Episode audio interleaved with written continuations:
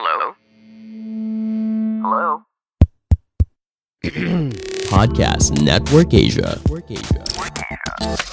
Halo semuanya, kembali lagi bersama saya Madianto. Kali ini kita akan membahas tentang nasihat keuangan bagi kamu yang baru memasuki usia 30-an.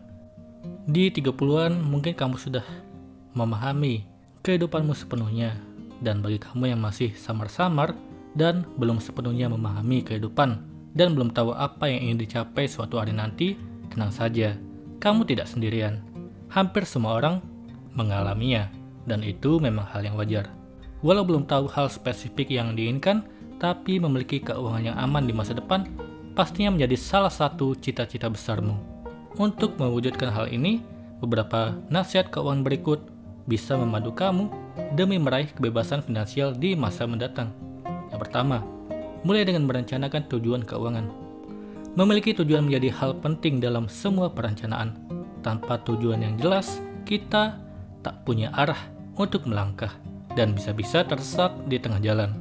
Karenanya, demi meraih finansial yang aman, kamu harus mulai memikirkan tujuan keuangan apa yang ingin dicapai di masa depan.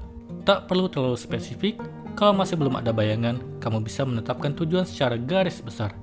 Tujuan juga bisa terbagi menjadi tujuan jangka pendek dan jangka panjang.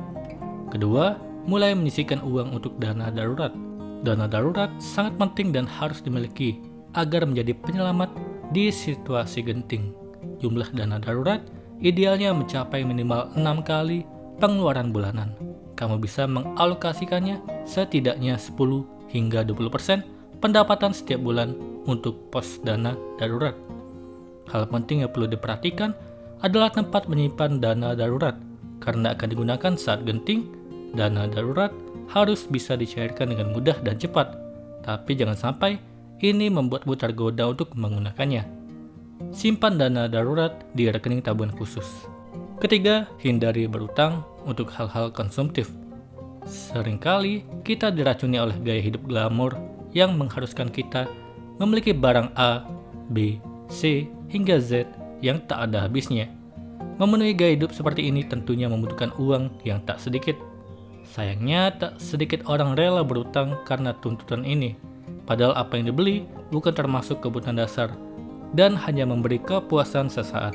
Di masa mendatang, perilaku ini jelas merugikan. Keempat, menyusun rencana anggaran. Usia 20 hingga 30-an adalah momen ideal untuk memulai kebiasaan keuangan yang sehat.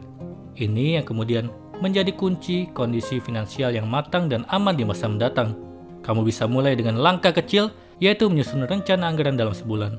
Coba urutkan daftar kebutuhanmu berdasarkan skala prioritas. Selanjutnya tentukan berapa banyak presentasi yang perlu dialokasikan. Salah satu metode alokasi anggaran yang banyak direkomendasikan adalah aturan 50-30-20. Gunakan 50% dari pemasukan untuk kebutuhan dasar, 30% untuk keinginan, dan 20% untuk tabungan. Kelima, disiplin mengikuti budget bulanan. Budgeting plan sudah disusun dengan rapi. Sekarang waktunya disiplin membelanjakan uang sesuai anggaran masing-masing kebutuhan. Kalau kamu menetapkan 20% untuk tabungan, maka segera alokasikan uangnya ke rekening khusus agar tidak diganggu-gugat dan tercampur dengan kebutuhan lain. Begitu pula anggaran untuk hiburan dan keinginan. Kalau kamu hanya mengalokasikan 10% untuk hal tersebut, maka jangan gunakan melebihi anggaran. Untuk membuatmu lebih disiplin, kamu perlu ingat tujuan keuangan yang ingin dicapai di masa mendatang dan kenapa kamu harus meraihnya. Keenam, catat pemasukan dan pengeluaran. Ini juga merupakan aktivitas yang tidak boleh dilewatkan. Setiap kali mendapat pemasukan dan pengeluaran, segeralah mencatatnya.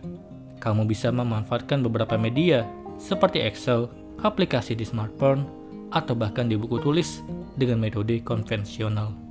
Ini bertujuan untuk melacak arus kas dan memungkinkan dirimu mengevaluasi kondisi keuangan.